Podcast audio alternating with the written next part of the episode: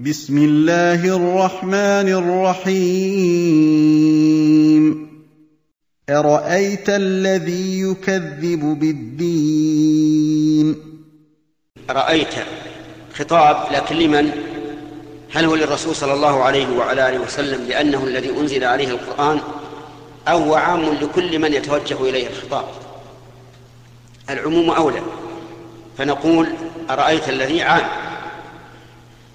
لكل من يتوجه إليه الخطاب. أرأيت الذي يكذب بالدين أي بالجزاء؟ وهؤلاء هم الذين ينكرون البعث. ويقولون أئذا متنا وكنا ترابا وعظاما أئنا لمبعوثون؟ أو آباؤنا الأولون؟ ويقول القائل منهم من يحيي العظام وهي رميم؟ هؤلاء يكذبون بيوم الدين. أرأيت الذي يكذب بالدين أي بالجزاء؟ فذلك الذي يدع اليتيم. فذلك الذي يدع اليتيم. ولا يحض على طعام المسكين. فجمع بين أمرين. الأمر الأول عدم الرحمة بالأيتام الذين هم محل الرحمة. لأن الأيتام هم الذين مات آباؤهم قبل أن يبلغوا.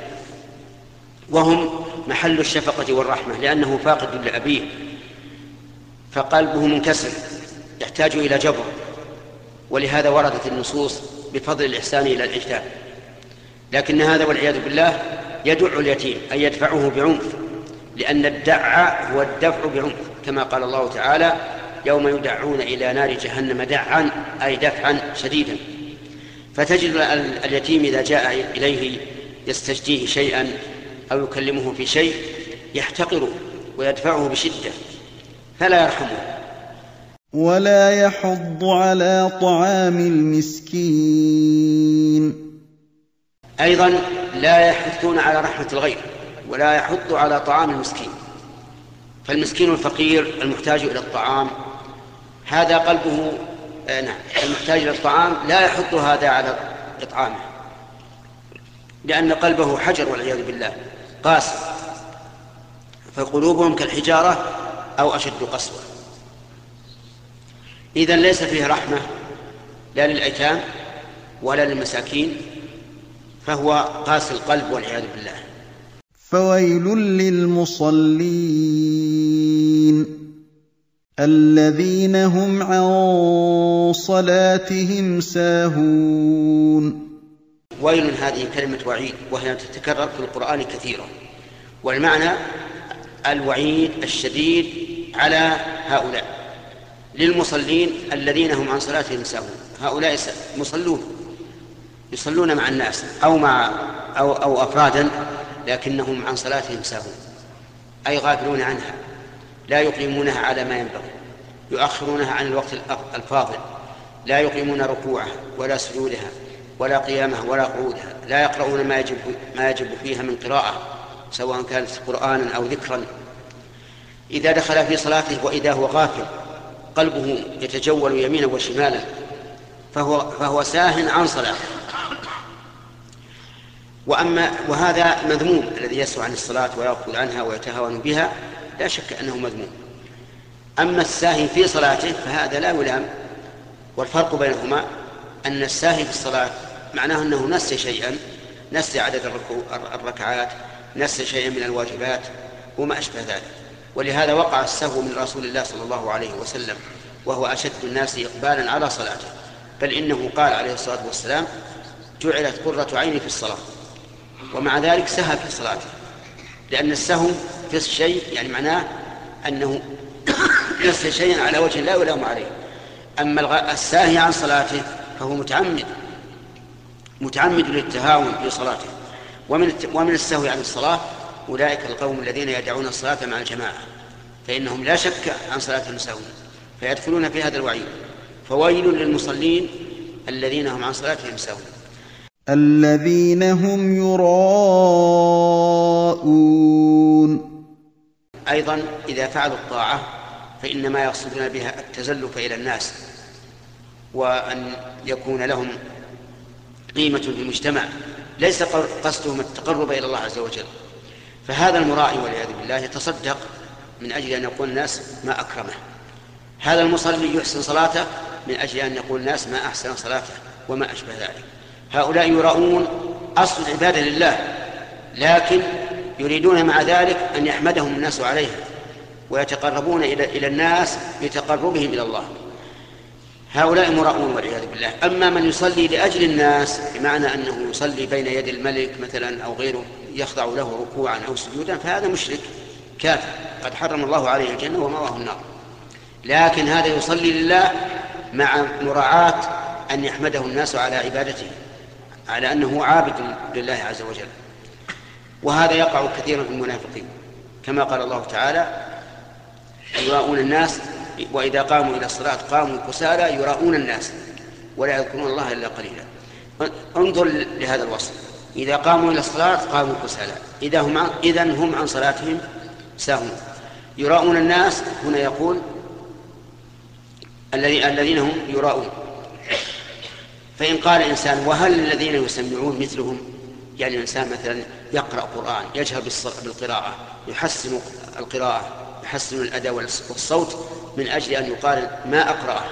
هل يكون مثل الذين يرائي الذين يراؤون الجواب؟ نعم.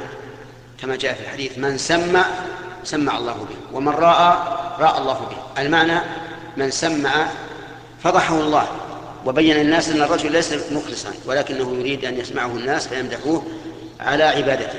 ومن راى كذلك راى الله به. فالإنسان الذي يراء الناس أو يسمع الناس سوف يفضحه الله وسوف يتبين أمره إن عاجلا أم أم آجلا.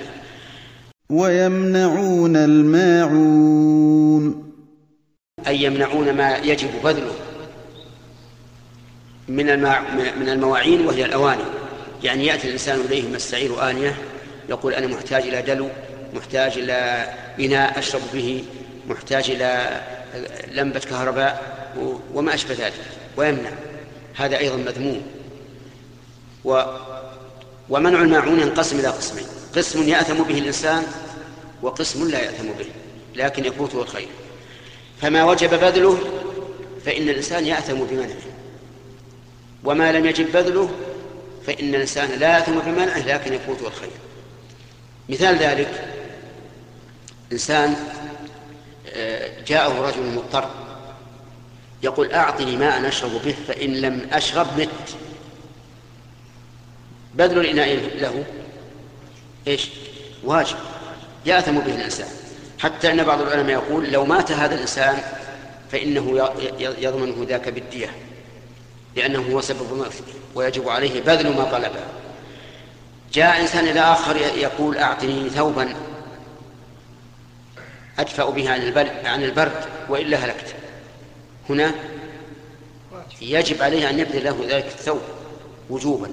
لكن اختلف العلماء في هذه المسألة. هل يجب على المستعير في هذه الحال أن يعطي المعير أجرة أو لا يجب؟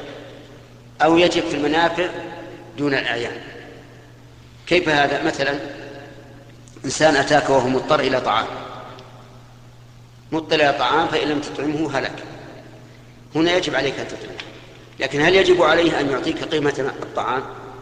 قال بعض أهل العلم يجب عليه أن يعطيك قيمة الطعام وقال آخرون لا يجب لأن إطعامه في هذه الحال واجب. واجب عليك من عند الله. وهذا القول هو الراجح أنه ليس له عوض لأن إنقاذ الواقع في هلكة واجب. ولا يمكن أن يأخذ الإنسان أجرا على ما أوجب الله عليه. في المسألة الثانية جاءك إنسان مضطر إلى إلى إلى ثوب خوفا من البرد فأعطيته الثوب. فهل يجب عليه أجرة لهذا الثوب؟ بعض العلماء يقول يجب عليه أجرة أجرة وبعضهم يقول لا يجب. والصحيح أنه لا يجب عليه الأجرة.